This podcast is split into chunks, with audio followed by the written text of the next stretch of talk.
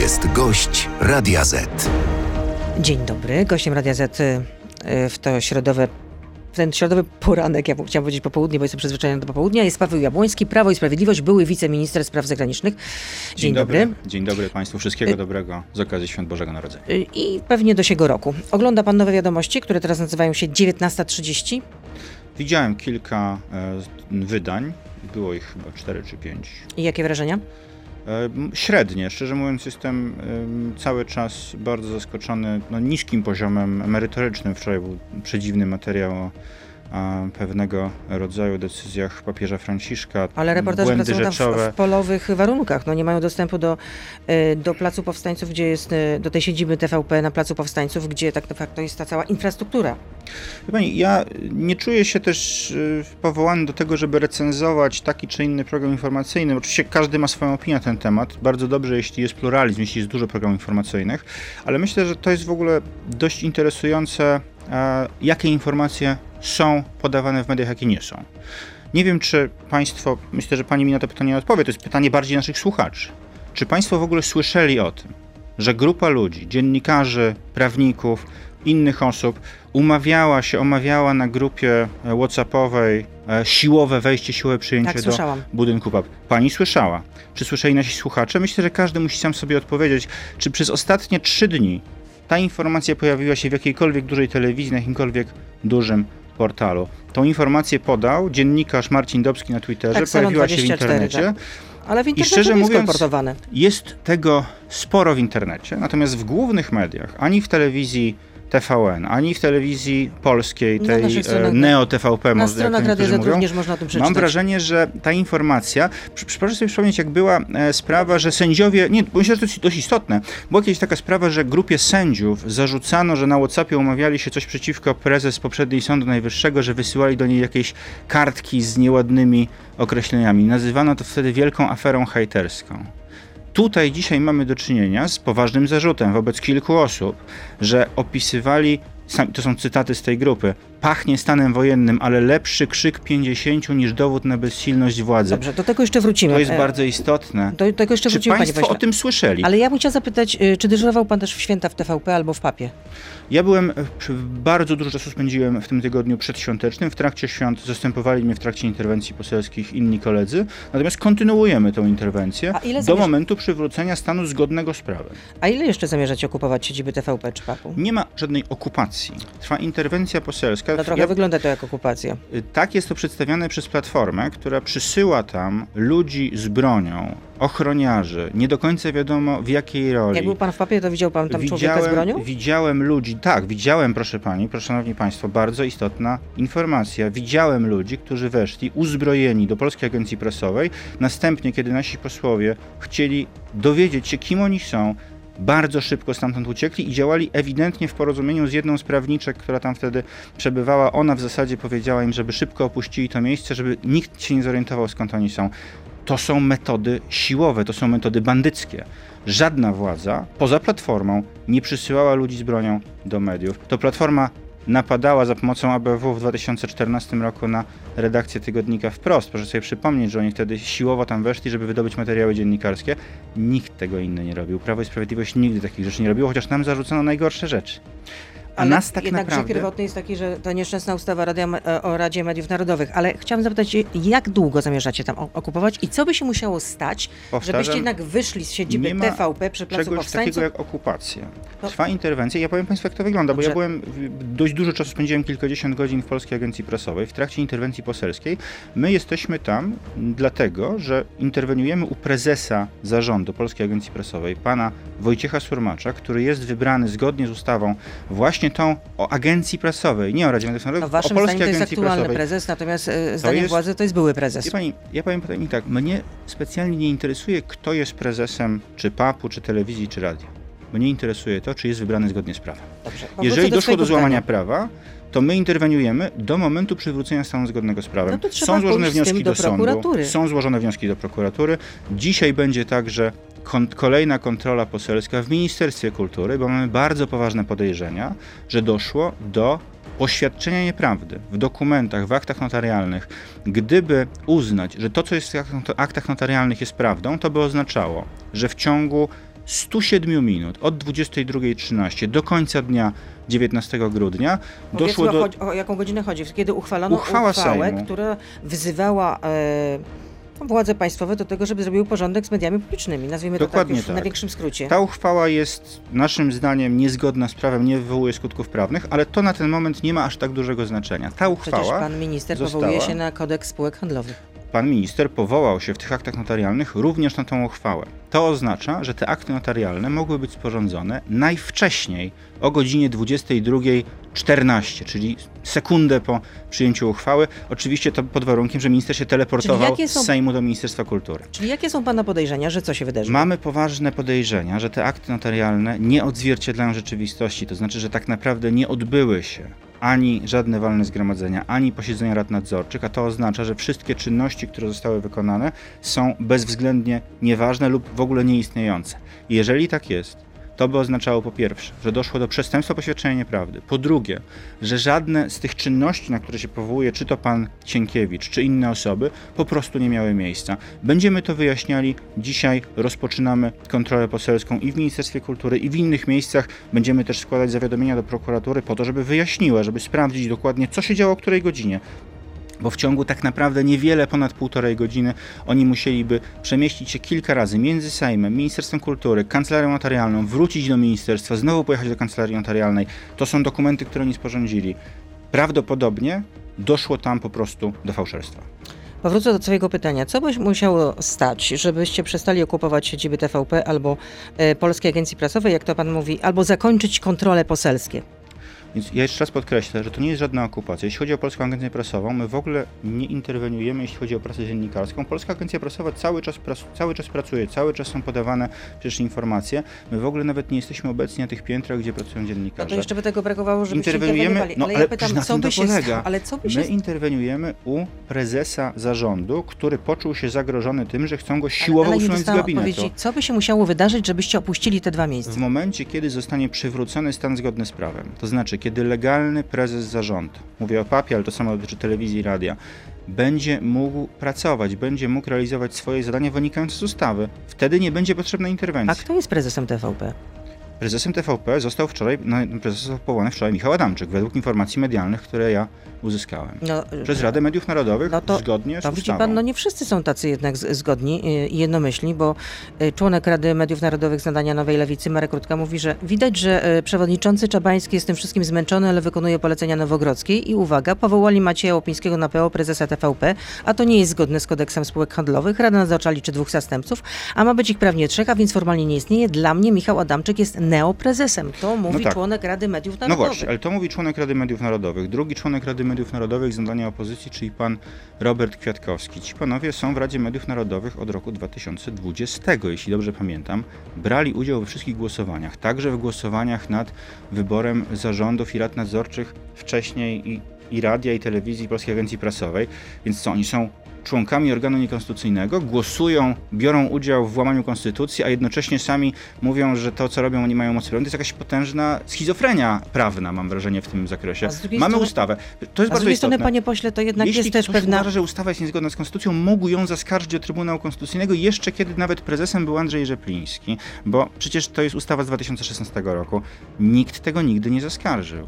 Ale to jest jednak, wie pan co, z drugiej strony wy, którzy bronicie teraz y, teoretycznie wolności mediów i wolności słowa, no przecież sami zepsuliście ten rynek. No przecież zrobiliście z telewizji państwowej i nie tylko telewizji państwowej tubę propagandową, tak to trzeba nazwać wprost. Pani redaktor, ja się mogę mm, bardzo chętnie oddać w tej chwili długiej dyskusji, co mi się podobało, co mi się nie podobało w TVP, co mi się nie podobało w TVN, co mi się podobało.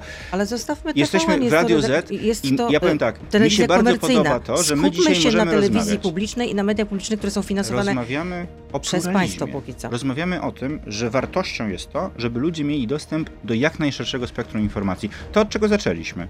Wielu z Państwa, jestem przekonany, nie usłyszało o tym, że ta grupa omawiała siłowe wejście, mówiąc, że to pachnie stanem wojennym. Sami to przyznawali, że trzeba to zrobić, bo, to, bo gorsza byłaby bezsilność władzy.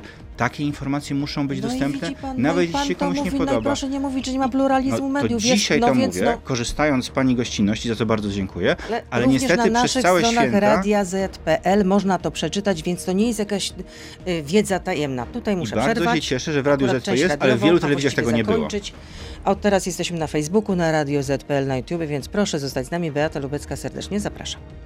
To jest gość Radia Z. I przypomnę, że gościem Radia jest Paweł Jabłoński, były wiceminister spraw zagranicznych, Prawo i Sprawiedliwość. Pytanie słuchaczki na, y, na początek tej części y, pauzy radiowej. Dlaczego kiedy wychodzi afera z Michałem Adamczykiem, to go chowacie, a teraz kiedy zostają wam tylko tacy ludzie, to bierzecie go na sztandary i robicie główną twarzą walki o wolne media niby? Więc ja mogę jeszcze raz podkreślić to, co dla mnie jest tutaj podstawową zasadą. Mnie kompletnie nie interesuje, kto jest prezesem, kto jest członkiem Rady Nadzorczej. Mnie interesuje to, czy te osoby były powołane zgodnie z prawem, czy niezgodnie z prawem. no, Rada Mediów Narodowych to jest organ, gdzie są przedstawiciele i Prawa i Sprawiedliwości i innych partii. Jest ustawa. Jeśli komuś się ta ustawa nie podoba, uważa, że jest niezgodna z konstytucją, miał prawo ją zaskarżyć przez lata. Nie przypominam sobie ani jednego Ale wniosku do opozycja Trybunału. uznała, że jednak nie ma sensu skar- zaskarżać do Trybunału Konstytucyjnego, który jest zdominowany przez nominatów Prawa i Sprawiedliwości i który można przewidywać, jaka będzie decyzja Trybunału Tylko, że Konstytucyjnego. ustawa o A Radzie Mediów Narodowych pan- jest starsza. Wyrok z 2016 roku, kiedy prezesem był jeszcze Andrzej Żapliński, jeszcze dotyczył poprzedniej ustawy, Tak. ale już wtedy Trybunał zauważył, że ustawa jest i co, co powiedział wtedy Trybunał? Trybunał się nie wypowiada, Trybunał Tak. się nie Ale wypowiada że w ograniczono znacznie kompetencje Krajowej Rady Radiofonii Tak. i Telewizji, jeżeli chodzi o powoływanie i odwoływanie szefów spółek medialnych państwowych. I ja Państwu teraz przeczytam, zacytuję Państwu wyrok, to jest punkt 113 tego wyroku. Trybunał nie wypowiadał się zatem w kwestii przyznania określonych kompetencji nowo powołanemu organowi, jakim jest Rada Mediów Narodowych. Dlaczego się nie wypowiadał? Dlatego, że taka jest procedura, że jeśli komuś się nie podoba konkretny przepis, ten konkretny przepis musi zaskarżyć. Prezesem był jeszcze I Andrzej Rzepliński. I wtedy zaskarżył Mogła kto? Rzecznik opozycja Praw Obywatelskich. zaskarżył Rzecznik Praw Obywatelskich i w tym samym wyroku jest powiedziane jasno, że nie może jednoosobowo minister, wtedy to był minister skarbu, ale jak minister kultury ma taką samą pozycję ustrojową, nie może jednoosobowo minister powoływać zarządów rad nadzorczych, a to właśnie zrobił pan Sienkiewicz, jako minister, podpułkownik No służb specjalnych tymi metodami siłowymi no, niestety no, działa. ale kiedy minister Sienkiewicz był w tym ułopie? No No początek do lat 2000 90. Nie no, do 2002 roku chyba wtedy zakończył służbę. No to 2000, Ale mamy, a rok mamy 2023. Ale ja nie mówię, że to jest coś No złego, ale cały czas tylko mówicie, przypominam. szermujecie tym, tak przy, przypinacie do niego, że pułkownik i pułkownik. No, wie pani, y, chyba podpułkownik swoją drogą, jeśli, jeśli dobrze pamiętam y, te informacje, na jakim, do jakiego stopnia się dosłużył, to są niestety metody typowe właśnie dla oficera służb. To on wysyłał jako szef Ministerstwa Spraw Wewnętrznych w 2014 roku uzbrojonych agentów ABW do redakcji tygodnika Wprost. Dzisiaj to on jest twarzą i kreatorem tej zmiany. Proszę pani, no, No dobrze, wyłączono, to już słyszeliśmy z waszej sygnał strony. telewizyjny. To już- Wyłączono sygnał telewizyjny. Naprawdę, to już nie chodzi o to, że teraz będziemy mówić stan wojenny, nie stan wojenny. Od 81 roku żadna władza nigdy nie wyłączyła sygnału telewizyjnego w Polsce. To są Ja- po prostu fakty. Takie są fakty. Pytanie od słuchaczki, yy, powtarzam to samo. Dlaczego kiedy wychodzi afera z Michałem Adamczykiem, tego chowacie, a teraz kiedy zostają wam tylko tacy ludzie, to bierzecie go na sztandary? No chodzi o to, że pan Michał Adamczyk, były szef y, telewizyjnej agencji informacyjnej, kilka miesięcy temu został odsunięty od y, y, anteny po doniesieniach Onetu, że 20 lat temu miał się dopuścić przemocy wobec swojej ówczesnej kochanki. Sąd uznał go za winnego, odstępując jednocześnie od wymierzenia kary i warunkowo umorzył sprawę. No więc ja jeszcze raz mogę podkreślić, Chodzi ja się prostu- nie czuję jako polityk komfortowo w sytuacji, że ja mam mówić, kto powinien być, jaki dziennikarz pracować, kto powinien być szefem. Ja nie jestem od tego. No dobrze, My jako posłowie jesteśmy od tego, że przestrzegane były procedury. również powinny dotyczyć dziennikarzy? Powinny dotyczyć wszystkich zasady etyczne. Jestem przekonany, że jeśli byśmy sprawdzali teraz każdego dziennikarza pod kątem etycznym, to byśmy byli w stanie znaleźć i w TVP, i w TVN, i w Także Radiu więcej takich damskich Myślę, bokserów, myślę tak? że wszędzie Mhm. są ludzie, którzy mają różnego rodzaju, co do których można mieć różnego rodzaju zarzuty. Natomiast nie jest moją rolą wchodzenie teraz w rolę sądu czy prokuratora. My patrzymy na procedurę. Proszę zobaczyć, Sejm podjął taką uchwałę, to też jest, myślę, też y, pewnego rodzaju sposób patrzenia w przyszłość. Sejm podjął uchwałę w oderwaniu od ustawy, w oderwaniu tak naprawdę od konstytucji. Na tej podstawie minister Sienkiewicz podejmuje jakieś działania w mediach, bo mówią, że jest luka prawna, że się nie da e, zrobić tak, żeby Rada Radiofonii Telewizji weszła, tylko e, e, musi być to jednoosobowy minister Sienkiewicz, bo właśnie nie ma przepisu, bo jest luka prawna. Proszę sobie teraz wyobrazić, że za kilka lat albo kilkanaście lat zdobywa władzę w Polsce na przykład Grzegorz Braun. I on mówi, że jego program polityczny, jak on straszył, kogo to on nie powiesi i tak dalej, musi być zrealizowana, ale jest luka prawna, bo nie ma przepisów, które na to pozwalają. I będzie wtedy uchwałami Sejmu ta większość rządziła i będzie wprowadzała taką metodę, że kogo Brown postanowi powiesić, to na podstawie uchwały Sejmu będą o tym decydować. Przecież to jest łamanie nie tylko prawa, ale to jest też tworzenie bardzo groźnych precedensów. Jeżeli my się zgodzimy na to, żeby dzisiejsza większość rządziła uchwałami Sejmu wbrew procedurze z Konstytucji, to otwieramy drogę do bardzo niebezpiecznych zjawisk. I myślę, że nawet ci, którzy za tym głosowali, powinni się na tym poważnie zastanowić, do czego otwierają dzisiaj drogę. Wracając do tego pytania, rozumiem, że jeszcze tak adwocem to, y, że rozumiem, że dla pana nie ma problemu, że Michał Adamczyk jest tym mm, prezesem dublerem. Zresztą no pan uważa, że jest to legalne. Dublerem według- jest y, Tomasz Sygut, który jako urzędnik, zresztą to też proszę spojrzeć, kogo oni powołali. Tomasz Sygut był pracownikiem Rafała Trzaskowskiego w, o ile pamiętam, miejskich zakładach autobusowych. No to jest człowiek też z nadania politycznego, nominat polityczny, tak samo jak ci dublerzy członków rad nadzorczych. A prezes Kurski był tylko fachowcem, rozumiem, w ogóle nie był z nadania politycznego. Nie, no, w Prezesi ogóle. telewizji przez wiele lat byli z nadania Mm, politycznego. rozumiem, prezes Kurski I, i w to ogóle nie samo miał w sobie. wspólnego z polityką. I- Absolutnie. I prezes Brown y, z Platformy, na- z nadania Platformy tak samo był również z nadania Mhm. politycznego. I prezes Na Kurski tym mógł to być z zadania politycznego, polegało. ale Sygut nie może być. Wie pani co, ja nie wiem czy mógł, czy nie mógł. Istotne jest to, czy jest procedura dochowana. Jeśli procedura jest dochowana, to jest w porządku. Jeśli procedura nie jest dochowana, to niestety musi być przywrócony stan zgodny z prawem. Wolelibyśmy, żeby tego nie było. Wolelibyśmy, żeby w ogóle była taka sytuacja, że telewizja, jeśli większość dzisiejsza rządowa chce zmieniać skład organów telewizji, chce zmieniać przepisy, ma do tego prawo, ma inicjatywę. Przecież prezydent Duda mówił wielokrotnie o tym, że jemu się też pewne rzeczy nie podobają. Pewnie się każdy na ten temat może wypowiedzieć, osobne e, poglądy każdy ma, natomiast sądzę, że gdyby większość sejmowa przedstawiła racjonalny projekt ustawy, to wcale nie jest powiedziane, że prezydent Duda by tę ustawę zawetował. Teraz jest zapowiedź weta pana prezydenta, jeśli chodzi o ustawę okołobudżetową i jak napisał pan prezydent w mediach społecznościowych, nie może być na to zgody wobec rażącego łamania konstytucji i zasad demokratycznego państwa prawa. To w odniesieniu do tych, że w tej ustawie okołobudżetowej ujęło, ujęto 3 miliardy złotych na telewizję państwową i dalej, że media publiczne trzeba naprawić najpierw rzetelnie i zgodnie z prawem, a, że, przepraszam, jeszcze raz, media publiczne trzeba najpierw rzetelnie i zgodnie z prawem naprawić. Tak było dokładnie napisane. Czyli pan prezydent de facto przyznał, że kondycja mediów publicznych była zła pod rządami Prawa i Sprawiedliwości. Czyli tak naprawdę to potwierdza, że jeżeli większość rządowa podjęłaby inicjatywę ustawodawczą, w której dokonywałaby zmiany, czy to ustawę o Radio Mediów Narodowych, w której mają swoich przedstawicieli, przypominam, czy to ustawę o Krajowej Radzie Radiofonii i Telewizji, albo zupełnie nową ustawę by stworzyła, to nie jest wcale powiedziane, że prezydent natychmiast by tę ustawę zawetował, wręcz przeciwnie, bo najwyraźniej jest jakieś pole, w którym się prezydent z opozycją poprzednią, a dzisiejszą koalicją rządzącą zgadza. No, patrząc To jest na decyzja weta, prezydenta. na, na tę zapowiedź weta, to raczej to będzie na zasadzie teraz oko za oko, ząb za ząb. No przepraszam bardzo, jeśli wchodzą siłowo z policją, z ochroniarzami uzbrojonymi do telewizji, jeśli wyłączają sygnał, nie tylko zresztą TVP Info, media regionalne, TVP World, TVP World, bardzo istotna stacja, TVP3 zostało przewrócone. zostało przywrócone wczoraj chyba, tak? Po, Tak. po prawie tygodniu, kiedy nie działało. No I jest przepraszam najmocniej. że Wyłączanie jeśli- sygnału telewizji to są środki, jakich nie było w Polsce od prawie 40 lat. że jeśli się zakończy okupacja e, siedzib TVP, no to w, tak, w takim razie TVP Info też zostanie uruchomione. Słuchaczka pyta. że oni wyłączyli sygnał w momencie, kiedy wszyscy normalnie pracowali. Straszą, zwalniają dziennikarzy. Przemysława Babiarza. Co im Babiarz zrobił? Przepraszam bardzo. No jak można zwalniać ludzi tylko dlatego, że pracowali w czasach rządu Prawa i Sprawiedliwości? Słuchaczka pyta, czy jest pan za zmniejszeniem budżetu na kancelarię prezydenta i przekazanie tych pieniędzy na onkologię? Proszę o jasną odpowiedź dotyczącą pytania bez mówienia, że należy zmniejszyć budżet y, mm, państwa. Budżet na onkologię został bardzo poważnie zwiększony jeszcze za czasów rządów Prawa i Sprawiedliwości, natomiast oczywiście te środki trzeba zwiększać, ale nie uważam, że kosztem funkcjonowania innych organów, tylko po prostu trzeba wydatki na służbę zdrowia podnosić. To nie jest tak, że my zabierzemy budżet Kancelarii Prezydenta, to jest, jeśli dobrze pamiętam, kilkadziesiąt czy kilkaset milionów złotych, to o takim zmniejszeniu teoretycznie mielibyśmy No, mówić. ten budżet ciągle tam puchł w, w miarę postępowania lat przykład kancelaria prezydentury. premiera, kancelaria premiera też, jak pamiętam, e, przedstawiciele Platformy mówili, że strasznie jest rozdęty budżet kancelarii premiera. Teraz w projekcie budżetu swoim jeszcze to zwiększyli.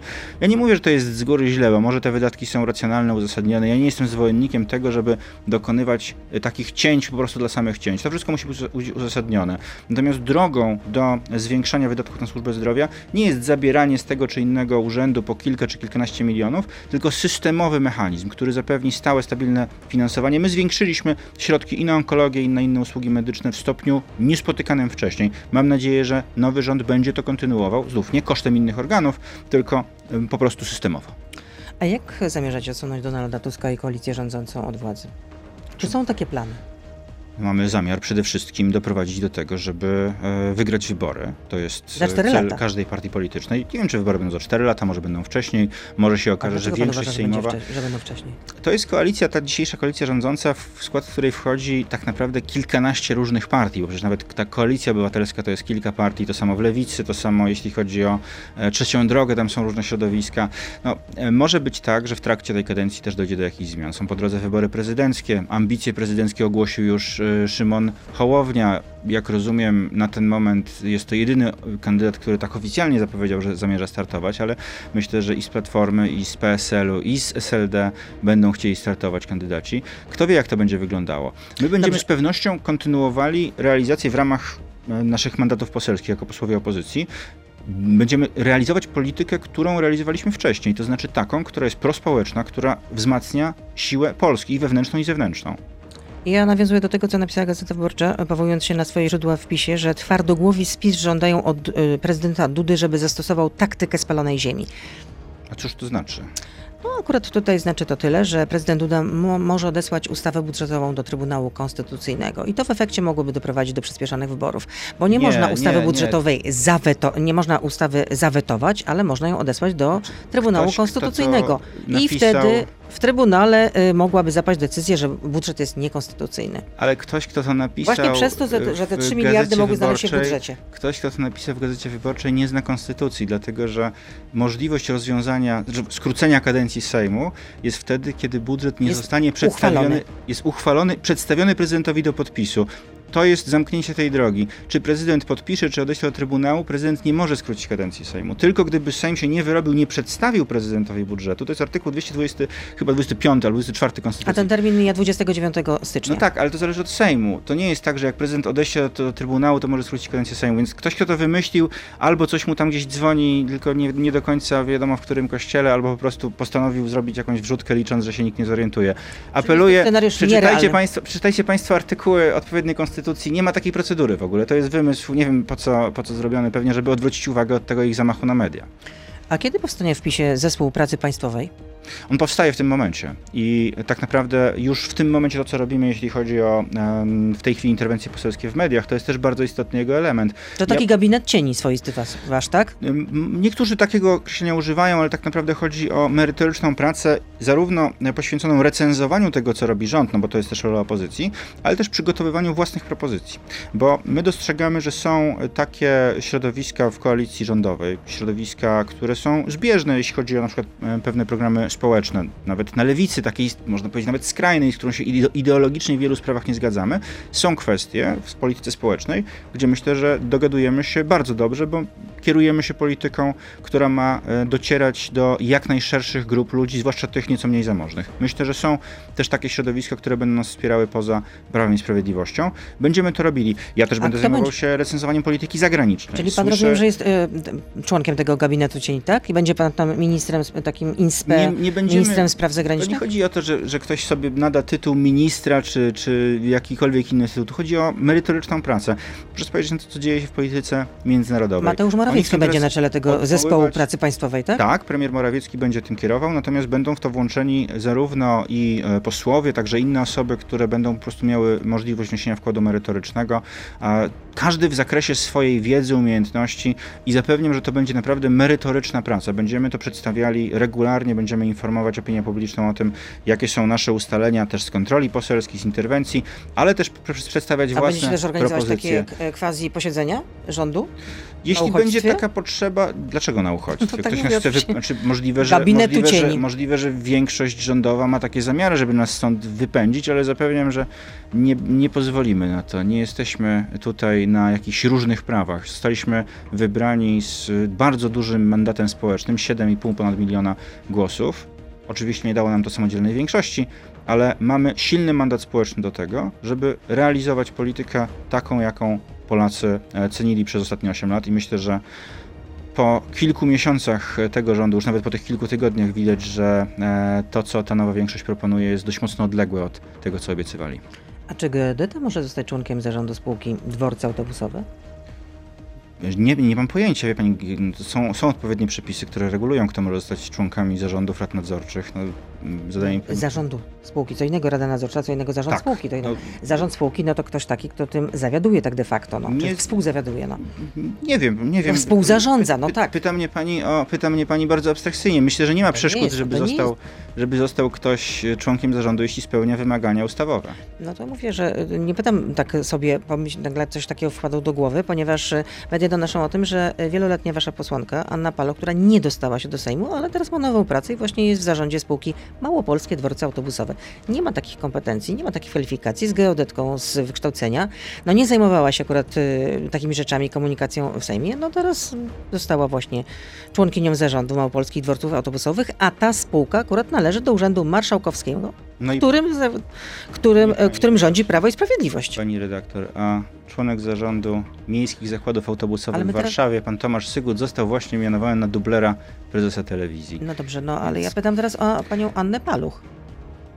Czy to Jeśli jest w spełnia, porządku? jeśli spełnia wymogi z ustawy, myślę, że e, jest wszystko zgodnie z prawem. Ale wygląda na to, że wasze ja praktyki, które patrzę- stosowaliście przez 8 lat, że rzeczywiście, że znajomi królika dostawali różne posady generalnie, bo trzeba było im pomóc, no to cały czas to jest praktykowane tam, gdzie jeszcze Prawo i Sprawiedliwość ma swoje wpływy. Ja patrzę na procedurę. Jeśli procedury są dochowane, to cóż y, można temu zarzucić? Jeśli są procedury złamane, wtedy trzeba dążyć do przywrócenia stanu zgodnego z prawem. Ja się tym kieruję. To samo dotyczy mediów, tak samo jak i innych spółek. Słuchaczka pyta, czy y, państwa ostatnie ekscesy to jest strategia prezesa? Czy ktoś pokazuje prezesowi, jakie są reakcje Polaków na wasze cyrki pod TVP? Wie pani, znów my możemy być oceniani różnie i jesteśmy oceniani różnie. Na nas są też bardzo ostre ataki ze strony tych i, i, i polityków, i też ich zwolenników, którzy no, nie lubią Prawa i Sprawiedliwości. W taki sposób jesteśmy określani. To i tak dość łagodne, bo ja czytam pod swoim adresem dużo więcej inwektyw.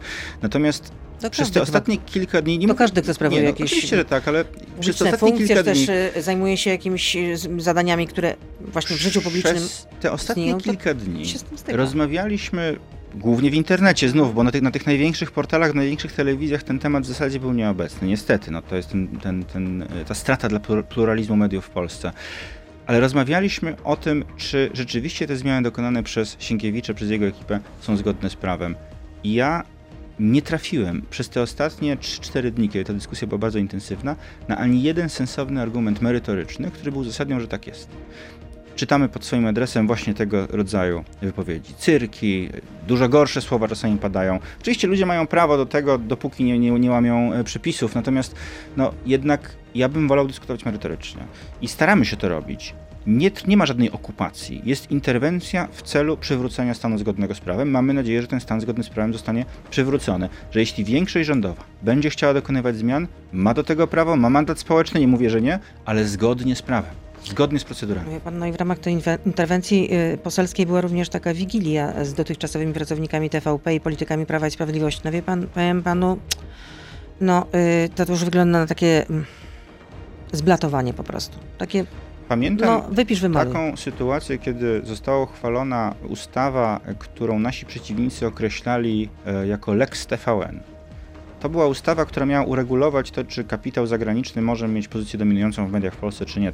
Normalna rzecz w wielu Która de innych facto wygasiłaby krajach. koncesję TVN. nie wygasiłaby koncesji Mm. TVN-u, wprowadzi- wprowadzała pewne cywilizowane zasady. Nie została ostatecznie podpisana przez prezydenta, ale nawet wtedy nie było mowy o tym, żeby ktoś wyłączał komuś sygnał. Nie było przecież tak, że poszedł minister kultury czy inny minister i wyłączył sygnał TVN-owi. To, co teraz zrobił Za Sienkiewicz. to Krajowa Rada Natomiast pamiętam, że wtedy- odwlekała y, pamiętam, takie decyzje wtedy- do ostatniej No, chwili no- albo wymierzała kary za publikację y, mediom, które po prostu patrzyły władzy na ręce, Prawu i Sprawiedliwości, wymierzała kary pod jakąś wyimaginowaną racją stanu, To proszę szkodzi racji zobaczyć stanu. teraz, jaka jest różnica. Pani mówi, że coś było odwlekane bardzo długo. Zdarzało się, że No, były wymierzane było. kary, były, na Bo różne było. stacje były nakładane kary. Natomiast dzisiaj oni po prostu wyłączają sygnał. Czyli różnica jest taka, że my korzystaliśmy ze środków administracyjnych, korzystaliśmy ze środków, które były oparte o ustawę. Czy ktoś się z tym zgadzał, czy nie, to jest inna kwestia. Mógł, mógł odpowiednio też środki zaskarżenia kierować, ale nikt nigdy nie wyłączył telewizji. Nikt nigdy w tym straszliwym reżimie pisowskim nie posunął się do tego, do czego posunął się Tusk i Sienkiewicz. To jest różnica. I dzisiaj, jak rozmawiamy o tym, pani mówi, że politycy byli, a politycy Platformy wspierali dziennikarzy TVN-u, TVN wspierał dziennikarzy Platformy. I wie pani, e, też można to krytykować. No jak? Przecież były te słynne manifestacje e, przeciwko zmianie. e, TVN wtedy e, straszył, że Ale będzie, co innego manifestacja, co innego jednak biesiadowanie. No Nie, to... no, ale też wspólnie, wspólnie się pojawiali na tych manifestacjach. No, przepraszam, ja nie mam też jakichś pretensji do tego, że różni dziennikarze mają różne poglądy polityczne, że niektórzy politycy bardziej lubią TVN, inni Polsat, inni TVP, jak mówimy o telewizjach, tak samo możemy mówić o radiach, ktoś woli RMF, ktoś woli Zetkę. Na tym polega wartość pluralizmu, że mamy różne stacje Dobrze, do wyboru. powiem tak. I o to tu chodzi. No, Komuś chodzi się może to, nie że- podobać ta czy inna. Ale nikt nie ma nic Bardzo wspólnego z pluralizmem, tylko chodzi o to, że telewizja państwowa, czy też media państwowe nie mogą być tylko wyrazicielem poglądów jednej partii. A tak Dzisiaj właśnie jedna było. partia, to dlaczego nie zadbaliście o to, żeby polityczną? stworzyć medium albo je wyposażyć takie, które będzie wyrażało konserwatywne wa- wartości generalnie i nie będzie to medium publiczne tylko. No. Możemy znów dyskutować długo o li- Mogę- o licznych błędach, jakie były jutra. popełnione. Zgadzam się z tym, nic, że, było, że, że dużo Nic. błędów było popełnionych. Zgadzam się z tym, ale jednocześnie proszę nie mówić, że teraz mamy do czynienia z jakimś Tylko, że przywracaniem. nie ma dom- czytam dzisiaj w wyborczej, że, że doszło, ognia. czytam dzisiaj rano w wyborczej, że doszło do odpartyjnienia mediów, bo minister kultury jednoosobowo powołał rady nadzorcze. Przepraszam bardzo, polityk wysyła swoich politycznych nominatów i to jest odpartyjnienie, to jest odpolitycznienie. No o czym my mówimy? Dobrze, kolejne Standardy pytanie. Mówią, Kolejne- że ma być Kolejne pytanie od głos słuchaczki. różnych Kolejne pytanie od słuchaczki. Ja doceniam e, e, pana elokwencję, ale jednak chciałabym, żebyśmy, żebyśmy zaczęli, żeby pan zaczął odpowiadać na pytania. Tak, nie, nie wiem. Bardzo proszę. Czy pana, czy, pana zdaniem normalnym jest, że prezes Kaczyński o trzeciej w nocy dzwonił do prezesa TVP, mówiąc, że mu obraz śnieży? Mm, Nie wiem, nie, nie, ciężko, mi się- ciężko mi się odnieść do tej sytuacji, nie znam tej sytuacji. No, no tak, no, Ale- no media o tym pisały generalnie, że, To- że- że właśnie, że no prezesowi po prostu, prezes, zresztą prezes mówił o tym sam, że generalnie no nagle mu stracił obraz, no i musiał się dowiedzieć, co się dzieje, no. Mam wrażenie, że y, uciekamy od zasadniczej kwestii. To nie jest istotne, czy ktoś do kogoś dzwoni i z No nie, no ale to chyba nie jest normalne, że, że, prezes rządzącej partii dzwoni do prezesa, yy, yy, wtedy chyba nie rządzącej, bo to chyba było pod rządami nowej władzy. Wie pani, to czy ktoś do kogoś dzwoni, że, że, że komuś obraz śnieży, to jest istotniejsze od tego, że wchodzi policja, że wchodzą ochroniarze uzbrojeni do mediów, że jest sygnał wyłączany. Myślę, że jest też jakaś hierarchia wagi pewnych spraw. Naprawdę, jeśli obywatele zostaną pozbawieni dostępu do informacji krytycznych dla platformy, a tak naprawdę temu służy ta operacja, to będzie w naszym kraju dużo gorsza sytuacja, jeśli chodzi o pluralizm medialny, niż kiedykolwiek wcześniej. Po prostu musi być krytyka władzy. Jeśli ta krytyka jest ograniczana, jeśli jest tłumiona, A Rozumiem, że ktoś zakłada, że telewizja państwowa teraz nie będzie krytykować władzy? Dlatego, że widzę, że w telewizji państwowej wszystkie te informacje, o których mówiliśmy, zarówno o tej, tej grupie pod nazwą Wejście, jak i o Na tym Whatsappie. na Whatsappie, to co ujawniły media, to co ujawniły media internetowe, nie było o tym w tym Neo TVP. Nie było w Neo TVP informacji o tym, że jest praktycznie niemożliwe, żeby w 107 minut te akty notarialne zostały sporządzone. Z jakiego powodu oni pomijają te informacje? Z takiego powodu, że to jest niekorzystne dla platformy. Taka jest moja teza. Będziemy to weryfikowali, oczywiście, co się naprawdę wydarzyło, ale tak naprawdę chodzi o to, żeby po prostu w różnych mediach były różne informacje, żeby ludzie mogli sobie wyrobić Mhm. całość Ja tylko powiem, sytuacji. ja tylko przypomnę, że przez 8 lat telewizja państwowa nie patrzyła w ogóle wam na ręce. W ogóle. Absolutnie. Tam był tylko jednostronny obraz pokazywany, że wszystko, co robicie, jest bardzo lat, pani dobre. redaktor, na szczęście mieliśmy takie redakcje jak Radio Z, jak TVN, jak Onet, bardzo krytyczne, często nieobiektywne, mówię o tych innych mediach, bardzo ja też często je krytykowałem, ale to bardzo dobrze, że takie redakcje są i że są redakcje, które bardzo dokładnie sprawdzają, weryfikują, co się dzieje. I tak powinno być za każdej władzy, także za Platformy. Oni by dzisiaj chcieli pozbawić głosu tych dziennikarzy, którzy są wobec nich krytyczni. Przecież dokładnie o to chodzi. Kolejne pytanie. Proszę skomentować prawomocny wyrok sądu, który uznał, że zwolnienie przez PiS prezesa TVP Janusza Daszczyńskiego było niezgodne z prawem. Szczerze mówiąc, nie znam tego wyroku. Jeżeli tak było, Nie zna no pan to... tego wyroku? Nie, no, jeśli, jeśli Sąd pracy uznał, że rzeczywiście że przerwanie prezesem, tego kontraktu y, było niezgodne z prawem. W dodatku jeszcze odbyło się to w ten sposób, że najpierw y, był telefon od ministra skarbu ówczesnego Dawida Jackiewicza do pana prezesa, ówczesnego prezesa TVP Janusza Daszczyńskiego, że przestaje być prezesem. Tak to też wyglądało. No więc jeżeli były takie decyzje, zresztą jeśli dobrze pamiętam, był wyrok Trybunału Konstytucyjnego właśnie w kontekście uprawnień ministra wówczas to był To minister już o tym skarbu, mówiliśmy, natomiast tutaj zapadł taki... że Sąd pracy uznał, że było to niezgodne z prawem, co więcej, przyznał odszkodowanie byłemu prezesowi TVP. i zostało ono wypłacone. Tak. rozumiem. Nie wiem, czy zostało Jeśli wypłacone. Tak, to No nie dobrze, wiem, czy jeśli- zostało wypłacone. Wyroki sądów trzeba szanować. Ja nie twierdzę, znowu, żebyśmy mieli jasność, ja nie twierdzę, że wszystkie decyzje To szkoda, czy naszego rządu, Mariusz czy rządów w Kamiński przeszłości i, były- Maciej Wojsiek nie szanują wyroku sądu. No, Ma Mariusz Kamiński i Maciej Wąsik zostali prawomocnie ułaskawieni przez prezydenta. Co do tego, myślę, że powinniśmy też się zgodzić, że decyzje prezydenta, które są jego prerogatywami w Konstytucji, powinny być szanowane. Czy się ktoś z nimi zgadza, czy się nie zgadza. E, Maria pyta, od kiedy byliście przygotowani na okupację telewizji? Jeszcze przed działaniami ministra Sienkiewicza? Ja rozumiem, że jeżeli ktoś będzie chciał tysiąc czy milion razy powtórzyć, że trwa okupacja, to być może niektórzy ludzie w to uwierzą, ale znów muszę jeszcze raz podkreślić, nie ma żadnej okupacji. Trwa interwencja poselska, która ma na celu przywrócenie stanu zgodnego z prawem. Dziennikarze mają pełną swobodę, żeby Dobrze. pracować. To, że na Placu Powstańców dzisiaj redakcja TVP nie może pracować, to jest decyzja Sienkiewicza, który im wyłączył sygnał. Tylko i wyłącznie. To nie jest tak, że przyszło Prawo i Sprawiedliwość i wyłączyło sygnał TVP. TVP to e, zarządzane dzisiaj Ale przez dublera prezesa, dublerów, opuścić, do, do, n- członków Rady Nadzorczej nadaje. TVP nie chcą opuścić tej siedziby. Proszę Pani, cały czas mamy do czynienia z próbą bezprawnego przejęcia TVP przez tych dublerów powołanych niezgodnie z prawem. No jeśli będzie przywrócony stan zgodny z prawem, to mam nadzieję, że wszyscy dziennikarze będą mogli spokojnie pracować, realizować materiały, a przede wszystkim emitować te materiały, że sygnał telewizji nie będzie wyłączany. No i jest jeszcze kolejne pytanie, ale ta interwen- to wracam do tego, to ta interwencja poselska była zaplanowana jeszcze przed działaniami ministra Sienkiewicza, czy po?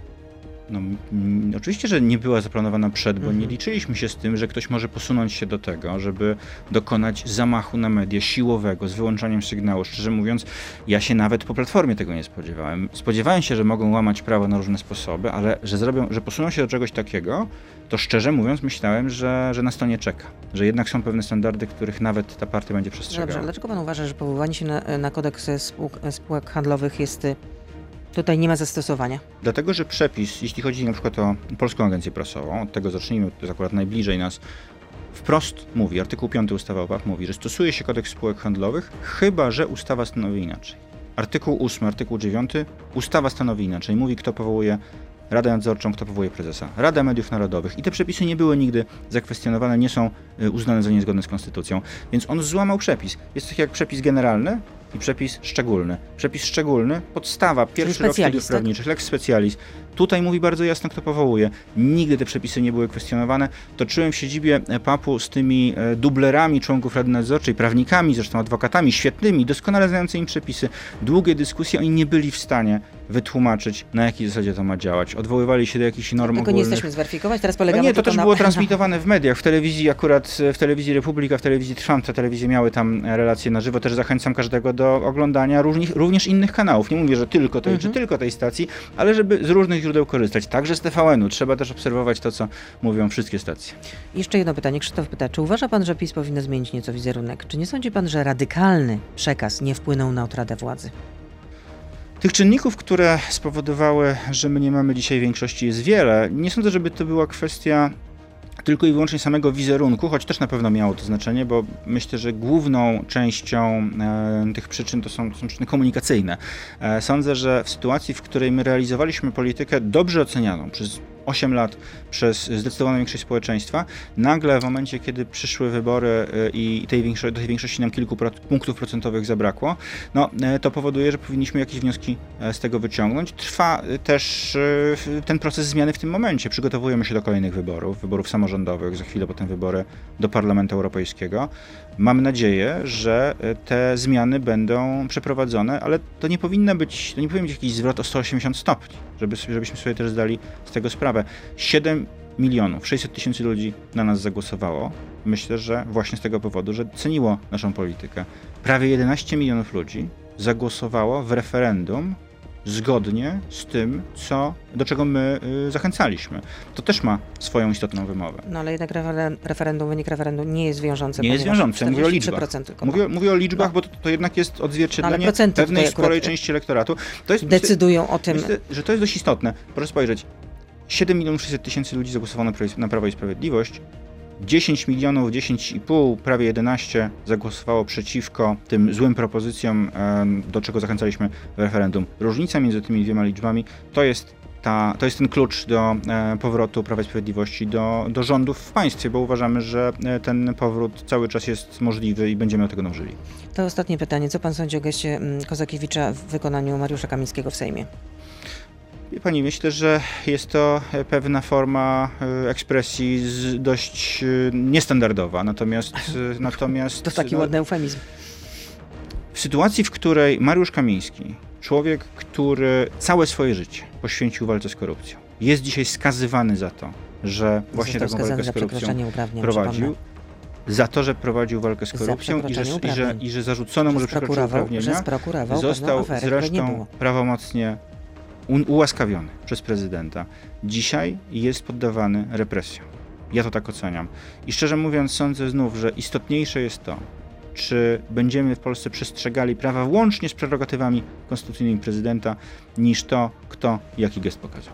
Dziękuję za wizytę w studiu. Paweł Jabłoński był z nami. Dziękuję Prawo bardzo. Sprawiedliwość. Wszystkiego dobrego. Członek gabinetu Cienie Prawa i Sprawiedliwości, który dzisiaj udaje się z, ko- z kontrolą poselską do Ministerstwa Sprawiedliwości, o której to nastąpi? Do Ministerstwa Kultury, E, kultury, przepraszam. Narodowego. o której... Na pewno jeszcze przed południem. Okej, dziękuję bardzo. To był gość Radia Z. Słuchaj nas w Radio Z i na player radioz.pl.